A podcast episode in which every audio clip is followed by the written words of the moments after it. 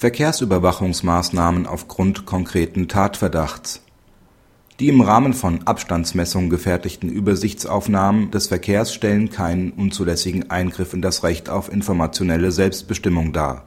Sie sind verfassungskonform. Der Beschwerdeführer wurde vom Amtsgericht wegen fahrlässiger Unterschreitung des erforderlichen Sicherheitsabstands zu einer Geldbuße verurteilt die Verurteilung stützte sich im Wesentlichen auf das Ergebnis einer Abstandsmessung mittels einer geeichten Anlage und der dabei gefertigten Videoaufnahmen. Die zur Identifizierung des Fahrers gefertigten Aufnahmen wurden mittels der sogenannten Identifizierungskamera getätigt.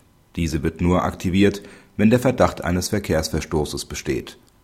Der Einschaltung der Identifizierungskamera gehen Übersichtsaufnahmen voraus, welche nur dazu dienen, einen Anfangsverdacht zu begründen Anhand der Übersichtsaufnahmen war den Feststellungen des Amtsgerichts zur Folge eine Identifizierung der Fahrzeuginsassen weder möglich noch beabsichtigt.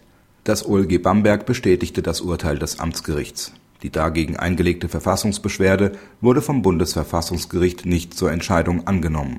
Das Bundesverfassungsgericht führt aus, dass es verfassungsrechtlich nicht zu beanstanden ist, wenn die Instanzgerichte als Ermächtigungsnorm für die Fertigung von Aufnahmen § 100h Absatz 1 Satz 1 Nummer 1 StPO als Ermächtigungsgrundlage heranziehen.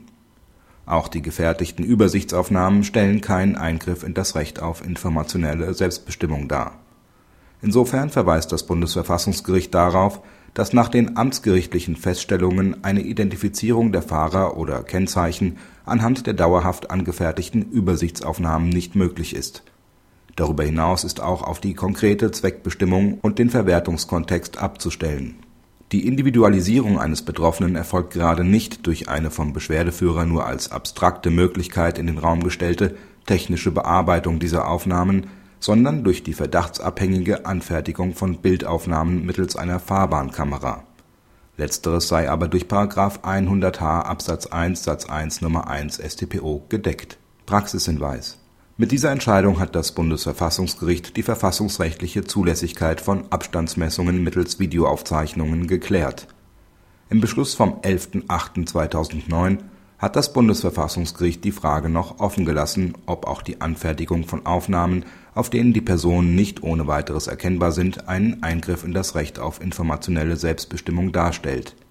Nun stellt das Bundesverfassungsgericht klar dass nur dann von einem Eingriff in das Recht auf informationelle Selbstbestimmung durch Anfertigung von Bildaufnahmen gesprochen werden kann, wenn die Kennzeichen von Fahrzeugen oder Fahrzeuginsassen identifizierbar aufgezeichnet werden. Im Hinblick auf den konkreten Überwachungs und Verwendungszweck sei nicht erkennbar, dass insoweit ein Gefährdungstatbestand überhaupt bestehe. Insoweit verneint das Bundesverfassungsgericht schon die Eingriffsqualität zum anderen wird die Rechtsprechung bestätigt, wonach § 100h StPO eine geeignete Eingriffsgrundlage darstellt. Zumindest beanstandet das Bundesverfassungsgericht unter verfassungsrechtlichen Aspekten die wohl herrschende Meinung in der Rechtsprechung nicht